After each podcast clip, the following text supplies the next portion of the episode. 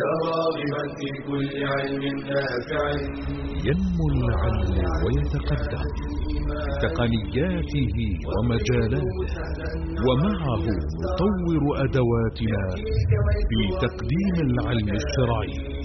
أكاديمية زاد. زاد أكاديمية ينبوعها. صاف. صاف ليروي غلة الظمآن. والسيرة العلياء عطرة الشدى. طيب يفوح لأهل كل زمان. بسرى زاد أكاديمية للعلم كالأزهار في البستان. الحمد لله رب العالمين وصلى الله وسلم وبارك على نبينا محمد وعلى آله وأصحابه أجمعين. وبعد أرحب بإخواني وأخواتي المشاركين في هذه الدورة الثانية في المستوى الأول وأرحب بهم في هذا المقرر مقرر السيرة النبوية ضمن البرامج العلمية والدورة البرامجية لأكاديمية زاد العلمية. فحياكم الله وأسأل الله سبحانه وتعالى أن يسلك بي وبكم طريقا إلى جنته ورضوانه سبحانه وتعالى. كنا توقفنا في اللقاء السابق عند الحدث العظيم الذي حدث لرسول الله صلى الله عليه وسلم وحادثة شق الصدر في ديار بني سعد. قد كانت حليمة السعدية رضي الله تعالى عنها حريصة غاية الحرص على بقاء النبي صلى الله عليه وسلم عندها في بيتها. ولما عادت به في المرة الأولى إلى أمه أصرت عليها في أن تعيده مرة أخرى ليستمر في رضاعه وتخشى عليه يعني ذكرت لها من المبررات أنها تخشى عليه من وباء مكة فعادت به مرة أخرى فرحة سعيدة لما رأت من بركته في بيتها وفي نفسها وفي أولادها وفي زوجها وفي حالها كله. لكن بعد الحادثة التي حدثت لرسول الله صلى الله عليه وسلم من حادثة شق الصدر خشيت حليمة على هذا الغلام فقالت أنها تعيده إلى أهله لئلا يتعرض لسوء. فأعادته إلى أمه فلما عادته استغربت يعني ردته مبكرا وقالت ابدا أديت الذي علي وأحببت أن أعيده إليكم. فأصرت عليها آمنة أن تعرف السر في ذلك.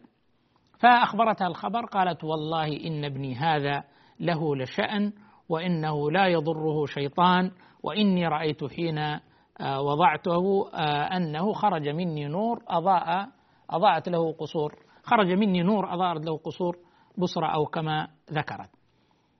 فبقي عند أمه حتى بلغ من العمر ست سنوات وأرادت أمه آمنة أن تخرج به إلى المدينة لزيارة أخواله من بني النجار فهم أخوال لرسول الله صلى الله عليه وسلم بجهة عبد المطلب. فأرادوا أن يزورونه كانوا أخوالا لرسول الله صلى الله عليه وسلم أرادوا أن يزورونهم في المدينة. فخرجت به معها ثم جلست عندهم شهر أقامت عندهم شهر ثم قفلت راجعة إلى مكة. وفي الطريق أصابها المرض واشتد عليها المرض ثم ماتت في منطقة يقال لها الأبواء بين مكة والمدينة. ويا لله لذلك الفتى الصغير هذا القلب الرقيق الذي فقد الأب والآن يفقد هذه الأم لكن هذا قدر الله لنبيه صلى الله عليه وسلم وهذا تدبيره لخلقه عز وجل يفعل يفعل ما يريد ويحكم ما يشاء سبحانه وتعالى لا معقب لحكمه.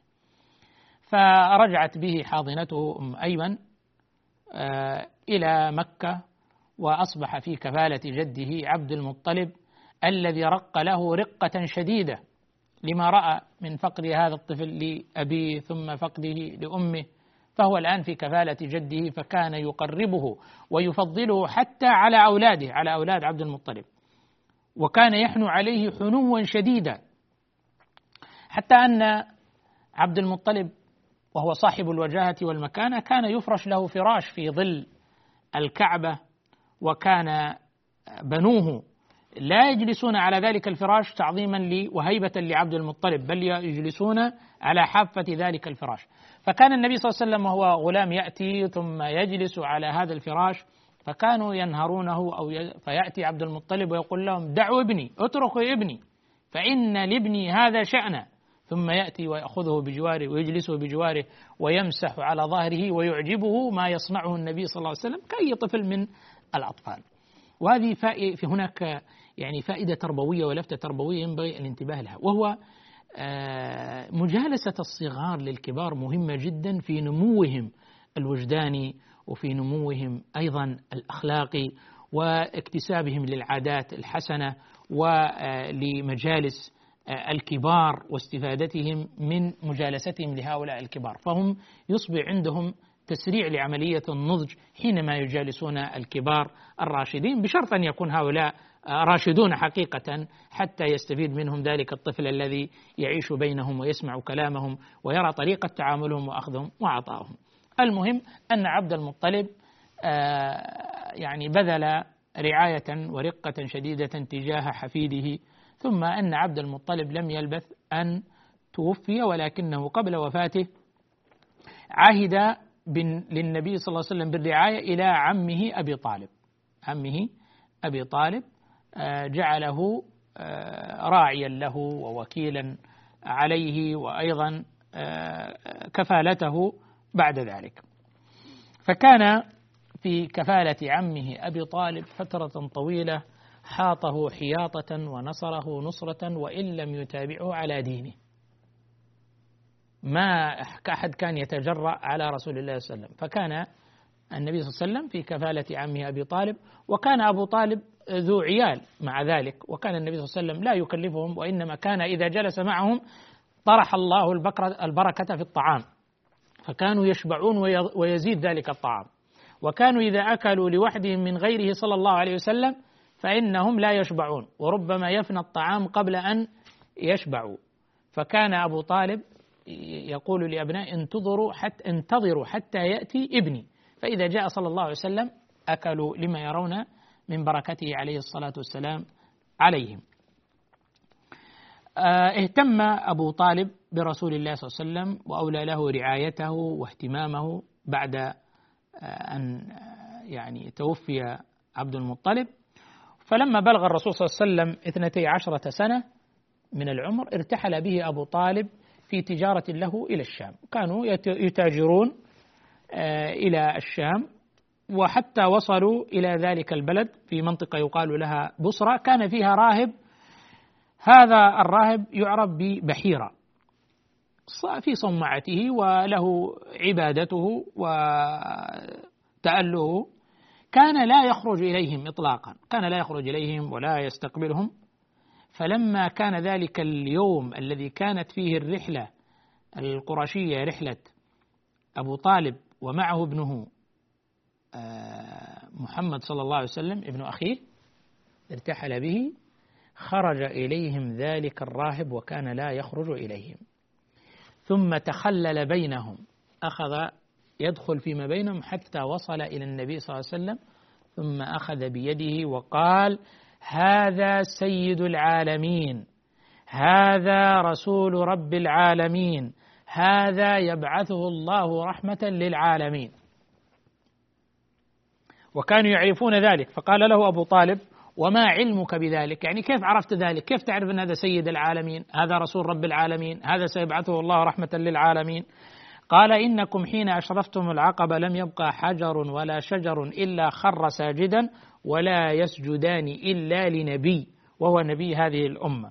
وقال له نحن نعرفه بالخاتم الذي في ظهره صلى الله عليه وسلم مثل التفاحة أسفل الغضروف في ظهره مثل التفاحة وإنا نجده في كتبنا. اليهود يجدون خبر النبي صلى الله عليه وسلم في كتبهم. وأيضا بشر عيسى عليه السلام برسول الله صلى الله عليه وسلم في الإنجيل أيضا. ولكنهم يكتمون ذلك بغضا للعرب وبغضا لرسول الله صلى الله عليه وسلم. ولما جاءهم كتاب من عند الله مصدق لما معهم نبذ فريق من الذين أوتوا الكتاب كتاب الله وراء ظهورهم. وكانوا يستفتحون على الذين كفروا. يقولون إذا جاء خرج نبي سنقاتل سنؤمن به ونقاتلكم معه ونقتلكم قتل عاد وإرم. فلما بعث الله نبيه تنكروا له ولم يؤمنوا به صلى الله عليه وسلم بل عادوه وحاربوه وهو موجود مكتوب عندهم في التوراة والإنجيل ولكنهم قوم بهت. فهذا خبره صلى الله عليه وسلم ورحلته إلى الشام مع عمه أبي طالب وأمر هذا الراهب بحيرة آه، أبو طالب أبا طالب أن يرجع به خشية عليه من اليهود ومن الروم فأرسله أبو طالب مع مجموعة من غلمانه إلى إلى مكة خشية عليه من اليهود. ومن الروم الذين يعني حذروا منهم ذلك الراهب. بعد الفاصل آه، سنواصل ونتعرف على مزيد من الأحداث النبوية في سيرته صلى الله عليه وآله وسلم. بشرى لنا أكاديمية للعلم كالأزهار في البستان.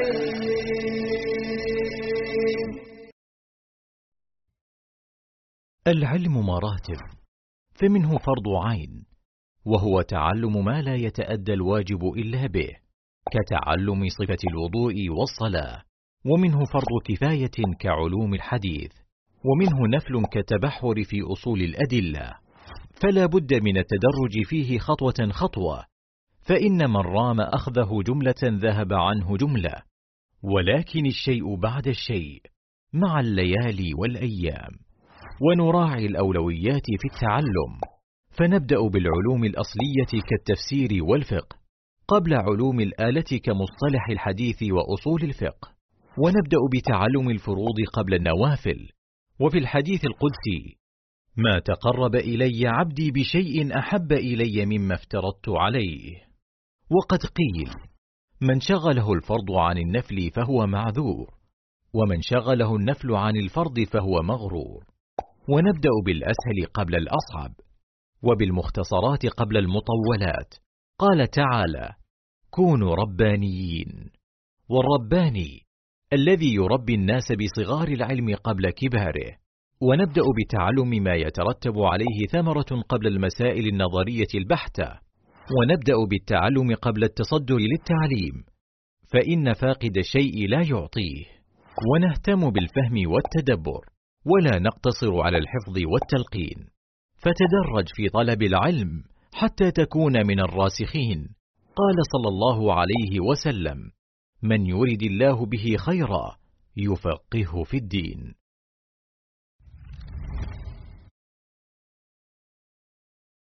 بشرى أكاديمية للعلم كالأزهار في البستان. حياكم الله إخواني وأخواتي. كنا قد توقفنا قبل الفاصل لما أمر بحيرة آه، أبا طالب أن يرجع النبي صلى الله عليه وسلم إلى مكة خشية عليه من من اليهود ومن الروم. وهذا الراهب ما كان يخرج إليهم لكن خرج تكرمة لرسول الله صلى الله عليه وسلم استقبالا له وأكرمهم وضيفهم على غير عادته فعاد النبي صلى الله عليه وسلم إلى مكة. مضت الأيام ووقع حلف آه، مشهود آه، يسمى حلف الفضول وهذا كان في شهر آه، ذي القعدة وهو شهر حرام. هذا الحلف تداعت إليه قبائل من قريش بنو هاشم وبنو عبد المطلب وأسد بن عبد العزى وزهرة بن كلاب وتيم بن مرة. هذه البطون اجتمعت في دار عبد الله بن جدعان وكان رجلا ذا وجاهة عبد الله بن جدعان التيمي. كان لسنه وشرفه فتعاقدوا وتعاهدوا في دار عبد الله بن جدعان أنه لا يجدون بمكة مظلوما سواء كان من أهل مكة أو من غيرها إلا قاموا معه ينصرونه حتى يأخذون له حقه ويردون عليه مظلمته ممن ظلمه. وهذا حلف قال عنه النبي صلى الله عليه وسلم شهدت في دار عبد الله بن جدعان حلفا ما أحب لي أن, أن لي به حمر النعم. ولو أدعى به في الإسلام لأجبت حلف يكون فيه نصرة للمظلوم وإعانة للمظلوم وعون له وأخذ لحقه وردع للظالم. كان النبي صلى الله عليه وسلم آه، يشعر بالفخر بشهادة هذا الحلف الذي هو نصرة للمظلوم ولو دعي في الإسلام كما هو كان قد دعي في الجاهلية لو دعي في الإسلام لمثله لما فيه من إحقاق الحق وإبطال الباطل ونصرة المظلوم وإيقاف الظالم عند عند حده لأجاب صلى الله عليه وسلم. وهذا الحلف كان له سبب أنه جاء رجل من اليمن من آه، زبيب جاء ببضاعة إلى مكة. فابتاع منه العاص بن وائل السهمي اشتراها منه وما طله في حقه فلم يعطه. فاستعدى عليه الأحلاف وطلب منهم أن يجيبوا فأبوا أن يجيبوا فخرج إلى جبل أبي قبيس وقال أشعارا يذكر فيها ظلامته. فسمعه الزبير ابن عبد المطلب وكان رجلا شريفا مهيبا. فقال ما لهذا من مترك. هذا هذا كيف يترك؟ هذا رجل مظلوم وقد ظلم ويجب أن ينصر. وأصحاب الشيم وأصحاب الكرامة آه، والرجال يأبون أصحاب الشيم يأبون صور الظلم والاضطهاد وهي تستفزهم وتؤلم نفوسهم ويعني تقبح في أعينهم. فيسعون لنصرة هذا المظلوم وإيقاف الظلم فسعى في ذلك الأمر فحدث أن اجتمعوا كما ذكرت لكم أنهم اجتمعوا في دار عبد الله بن الجعان التيمي وتواثقوا وتعاهدوا على أن لا يكون بمكة مظلوم إلا من سائر الناس سواء من مكة أو من غير أهل مكة. لكن في مكة إذا ظلم فإنه يسعون معه حتى يأخذ حقه ممن ظلمه. فسعوا مع ذلك الرجل حتى ردوا له حقه وأخذوا حقه من العاص ابن وائل. السهمي. واستمرت الحياة وعمل النبي صلى الله عليه وسلم في مجالات كثيرة لم يكن آه، من القاعدين أو من الكسالى حاشاه صلى الله عليه وسلم أو من المعتمدين على غيره وإنما كان يعمل ويكدح وبدأ حياته حينما كان غلاما صغيرا برعي الغنم رعي الغنم. ولما سئل عن ذلك قال نعم لقد رعيت الغنم لأهل مكة على قراريط في جمال مكة يرعى الغنم على قراريط يعني دريهمات يسيرة مبالغ بسيطة جدا يعمل الإنسان. وليس في العمل عيب العيب أن يكون الإنسان كسولا أن يكون الإنسان عاجزا أن يكون الإنسان بطالا لا عمل له ولا شأن له لا ينفع نفسه لا في دنيا ولا في آخرة. وإنما يعيش هكذا سبهللا قد كان عمر رضي الله تعالى عنه يقول إني لأبغض الرجل أن أراه سبهللا لا في عمل الدنيا ولا في عمل الآخرة يعني له اللي يعمل أعمالا دنيوية تنفعه وتفيده ولا هو الذي قد اشتغل بعمل أخروي عبادة تقربه من الله سبحانه وتعالى. وقال عمر رضي الله عنه أيضا إن الرجل لا يسقط من عيني حينما أعرف أن له ليس له حرفة ليس له عمل. حينما أعرف أنه ليس له عمل يسقط من عيني لأن من كمال الرجل أن يكون الإنسان عمل مصدر دخل يعف به نفسه عن مسألة الناس وعن الحاجة إلى الناس. ثم بعد ذلك اشتغل النبي صلى الله عليه وسلم بعمل أخرى في وقت شبابه وهو أنه اشتغل بالتجارة فكان يتاجر في آه، أموال الناس وكان رجلا مباركا صلى الله عليه وسلم. كان وهو مبارك عليه الصلاة والسلام. كان يتاجر فيثري آه، من يتاجر له يربح أرباحا طيبة مباركة ببركة النبي صلى الله عليه وآله وسلم. حفظ الله نبيه صلى الله عليه وسلم طيلة آه، حياته سواء أيام يتمه وصغره ولما كان غلاما صغيرا وحفظه الله تعالى لما كان شابا. عصمه الله تعالى من منكرات الأخلاق. والأهواء والأدواء والأعمال والسلوكيات الشائنة. لم يشرب خمرا صلى الله عليه وسلم. لم يسجد لصنم. بل كان يبغضها. وكان يعني يتأذى من سماع الحلف باللات والعزى. كان يكره ذلك. ويقول لا تحلف. فوالله ما أبغض إلي منهما. فلم يسجد لصنم ولم يتقرب بها ولم يشهد. هذا الزور عليه الصلاة والسلام ولم يتقرب لشيء منه من ذلك ولم يحضر شيئا من لهوهم أو عبثهم أو لعبهم صلى الله عليه وسلم. ومما يذكر من حفظ الله تعالى له أيضا كما أنه حفظه في رعاية آه، جده وأمه ومرضعاته وعمه. كذلك حفظه الله عز وجل في أخلاقه وسلوكه في حال آه، صبوته وفي حال طفولته وفي حال شبابه. لما كان شابا. ومن ذلك أنه صلى الله عليه وآله وسلم لما بنيت الكعبة في حادثة آه، بنيان الكعبة كان هو وعمه العباس ينقلان الحجارة ينقلان الحجارة. فقال العباس للنبي صلى الله عليه وسلم اجعل إزارك على رقبتك يقيك من الحجارة. الإزار هو ما يتزر به في المنطقة السفلية الجزء الأسفل من البدن. فتضع يقول له ضع إزارك على عاتقك لما تضع الحجارة يقيك من أذاها وتأثيرها على كتفك. وكانوا يفعلون ذلك ولا ضير في ذلك المجتمع آه، أن يفعل ذلك. فلما قيل له ذلك خر صلى الله عليه وسلم إلى الأرض سقط وطمحت عيناه إلى السماء ثم أفاق مثل الغشي. وفي بعض الروايات أن يعني شخصا لكمه لكمة شديدة. وقال له شد عليك إزارا. شد عليه. فأفاق صلى الله عليه وسلم قال إزاري إزاري. فشد عليه إزارة ولم ترى له عورة صلى الله عليه وسلم. وهذا الحديث مخرج في الصحيحين في البخاري ومسلم.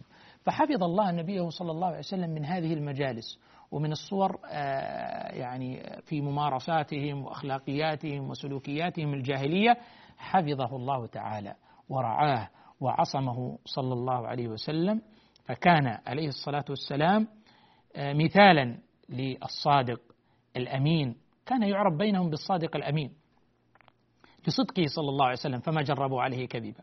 وكان يعرف عندهم بالأمين الذي لا يخون فلم يعرفوا له خيانة عليه الصلاة والسلام. وكانوا يقدرونه ويهابونه وله المكانة العلية في نفوسهم حتى أنهم لما اختلفوا في موضوع من من الذي يرفع الحجر الأسود ويضعه مكانه هذا شرف عظيم. لما كادت القبائل أن تقتتل فاصطلحوا على أنه يحكم بينهم أول من يدخل عليهم من آه، باب بني فخرج عليهم النبي صلى الله عليه وسلم من باب بني فقالوا هذا الأمين هذا الأمين هذا الصادق الأمين رضيناه حكما. الناس لا يقبلون ولا يرضون إلا من له مكانة رفيعة في نفوسهم وأيضا صاحب نزاهة وخلق وله مكانة وجاه عندهم. فجاء النبي صلى الله عليه وسلم فحكم بينهم وجاء بإزار ثم وضعوا الحجر ورفعته كل قبيلة بطرف ثم أخذوا بيده الشريفة لما وصل عند الركن ووضعه مكانه فكان هذا تقدمة وتهيئة صلى الله عليه وسلم لما أراد الله به من المكانة الرفيعة العلية التي اختصه الله تعالى بها. أسأل الله سبحانه وتعالى أن يرزقنا شفاعته صلى الله عليه وسلم وأن يريدنا حوضه وأن يحشرنا تحت لوائه وأن يرزقنا مرافقته صلى الله عليه وسلم في الجنة. والله أعلم. صلى الله وسلم وبارك على نبينا محمد وآله وصحبه أجمعين. بشرى لنا أكاديمية للعلم كالأزهار في البستان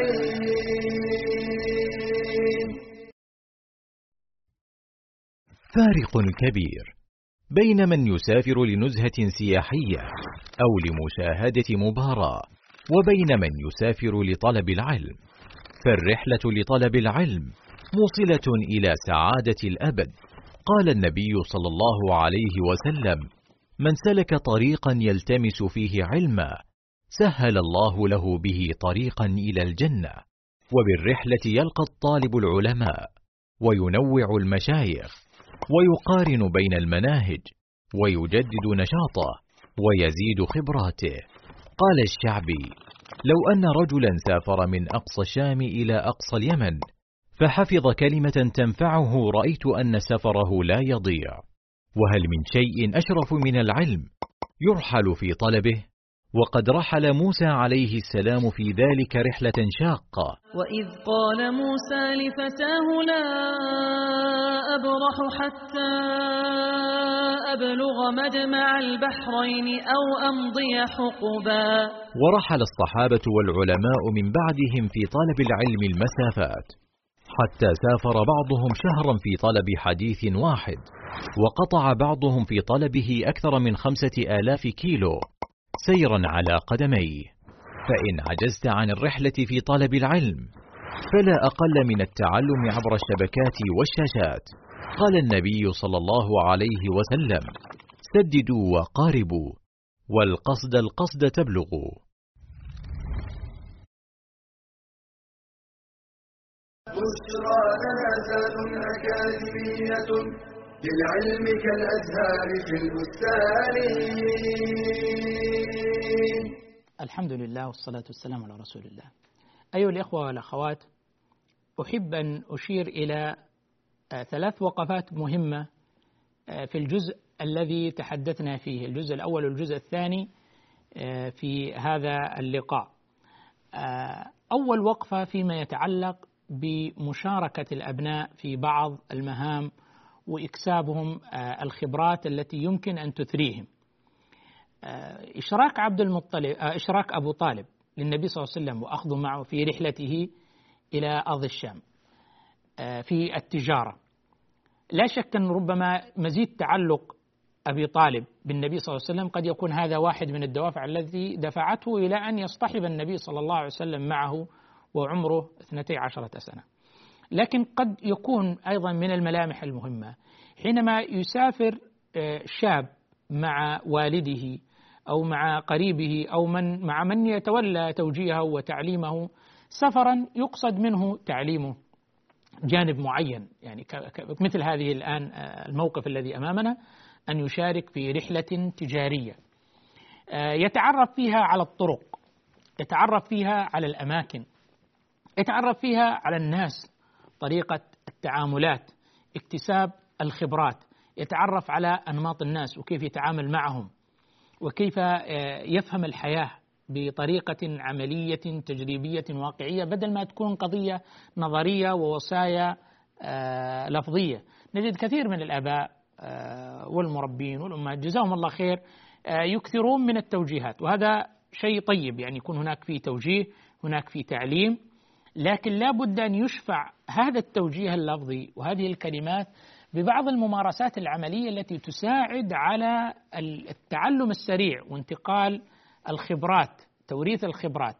فنجد هنا أبا طالب يأخذ النبي صلى الله عليه وسلم معه إلى هذه الرحلة التجارية لتكون صورة من صور التعلم.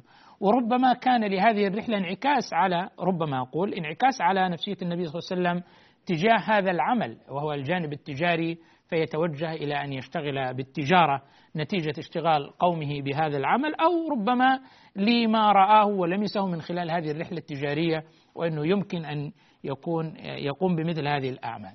هذه نقطة أحب أن ألفت الانتباه لها وهو قضية كيف أننا بالطرق العملية نحاول أن ننقل الخبرات إلى أولادنا أو إلى من نعلمهم وأن نربيهم ولا نكتفي فقط بالجوانب النظرية، تجد كثير من المواد حتى التي تدرس في المدارس أو في الجامعات لابد أن يكون هناك جانب عملي تطبيقي للمفاهيم والأفكار التي يتلقاها المتعلم والمستفيد. اللفته الثانية ما يتعلق آه، بالتوجه للعمل والروح العملية عند الإنسان وأن يتقي الإنسان أن يكون بطالا أو أن يكون سبهللا فارغا. فإن الشباب والفراغ والجدة مفسدة للمرء أي مفسدة؟ إذا لم يكن هناك وعي تجاه مرحلة الشباب هناك شباب هناك فراغ هناك جهد هناك طاقة. فإذا توفر شيء من المال إذا لم توجه التوجيه الأمثل فإنها تعود بالضرر والفساد على الإنسان أولا وعلى أسرته وعلى مجتمعه. لكن أن يتوجه الإنسان للعمل العمل الشريف العمل الذي يجني منه مالا يكف به نفسه عن الحاجة إلى الناس وعن سؤال الناس ويبني فيه روح الجانب الاستقلالي والاعتماد على الذات والثقة بقدرات الإنسان ويعمل الإنسان عملا يدر عليه مالا حلالا طيبا مباركا يعيش منه هو وقد ربما يجمع منه من أجل أنه يتعلم من أجل أن ينتقل لوظيفة أفضل من أجل انه يتدرب تدريب جيد من رغم أنه يعني يجمع ليتزوج. وهكذا الإنسان لديه احتياجات كثيرة.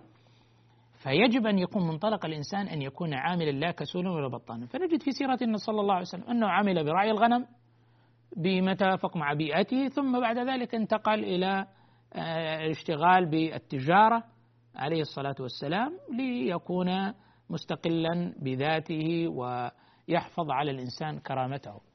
الوقفة الثالثة التي أحب أن أشير إليها آه، المشاركة المجتمعية وفاعلية الفرد في مجتمعه أن يكون إنسان مشاركا لمجتمعه. آه، مشاركا المشاركة الإيجابية التي تنميه أولا وتفيد مجتمعه ثانيا. فالإنسان ابن مجتمعه. يجب أن يكون هناك انتماء لذلك المجتمع من صور ذلك الانتماء لذلك المجتمع أن يكون محبا له هذا جانب عاطفي مشاعري ثم أن يكون مشاركا في ذلك المجتمع بمعنى أنه يقدم ما يفيد ذلك المجتمع. ويكون إنسان إيجابي في مجتمعه. ليس إنسان فقط يأخذ يأخذ من ذلك المجتمع. ما الذي أضفته لمجتمعك؟ ما الذي أعطيته لمجتمعك ولأبناء مجتمعك؟ المسلم والسيرة النبوية تشير إشارة واضحة وبينة إلى أن يجب الإنسان يكون فاعلا إيجابيا مشاركا آه، في المجتمع الذي يعيش فيه ولا يكون منعزلا ولا منطويا ولا أن يكون سلبيا فقط هو آخذ بل يجب أن يكون معطاء إيجابيا. ولو كان لديك القليل فالحرمان أقل من القليل. وأن يتعود الإنسان على أن يقدم القليل حتى يكثر وينمو ذلك القليل لديه وأيضا يكثر في عطائه. نجد النبي صلى الله عليه وسلم كان مشاركا في المجتمع الذي يعيش فيه. والصور كثيرة. كان إيجابيا في المجتمع الذي يعيش فيه. يعني حلف الفضول هذا الحلف. يشارك فيه آه، بطون من مكة. الهدف من هذه المشاركة هو نصرة المظلوم والقيام معه وأخذ حقه هذا عمل إيجابي فيشارك الإنسان في هذا العمل الإيجابي في مجتمعه فيستفيد هو ويفيد المجتمع الذي يعيش فيه ويكون عنصرا ايجابيا وعنصرا فاعلا. النبي صلى الله عليه وسلم بممارساته الإيجابية كان الناس يودعون عنده ودائعهم، كان نافعا للناس مفيدا للناس. يا أخي كن في مجتمعك مفيد للآخرين، مفيد لمجتمعك. كوني مفيده في المجتمع الذي تعيشين فيه، تفيدين أخواتك، صويحباتك، من حولك من أبناء من بنات المجتمع تفيدينهم. فيكون الإنسان نافعا ومفيدا ومشاركا بفعالية في المجتمع الذي يعيش فيه. شارك النبي صلى الله عليه وسلم في موضوع بناء الكعبة. لما بنيت الكعبة شارك النبي صلى الله عليه وسلم في البناء معهم صلى الله عليه وسلم. كان هذا عملا إيجابيا. وعملا نافعا في المجتمع لماذا لا يكون للإنسان دور ويكون الإنسان مشارك في ذلك آه، المجتمع كذلك حفظ الله سبحانه وتعالى لنبيه من السيئات التي كانت منتشرة في ذلك المجتمع. إن المشاركة الفاعلة والمشاركة الإيجابية في المجتمع لا تعني أن يشارك الإنسان في آه، أخطاء ذلك المجتمع، في سلبيات ذلك المجتمع، في سيئات ذلك المجتمع، في منكرات ذلك المجتمع، ابدا. إن الفاعل فاعلية الإنسان المسلم أن يكون ايجابيا في المكان الذي يكون فيه.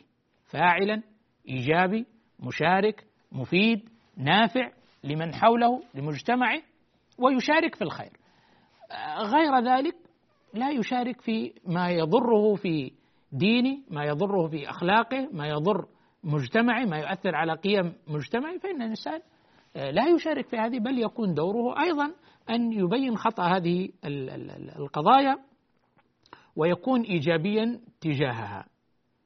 هذه إلماحات يمكن أن يعني يقتبسها الإنسان من هذه المواقف التي تعرضنا إليها في هذا اللقاء الذي أسأل الله سبحانه وتعالى بأسمائه الحسنى وصفاته العلى أن يوفقنا للاقتداء برسول الله صلى الله عليه وسلم والنهل من سيرته المباركة وأن يجعلنا من رفقائه صلى الله عليه وسلم في جنة الخلد. صلى الله وسلم وبارك على نبينا محمد وعلى آله وصحبه أجمعين.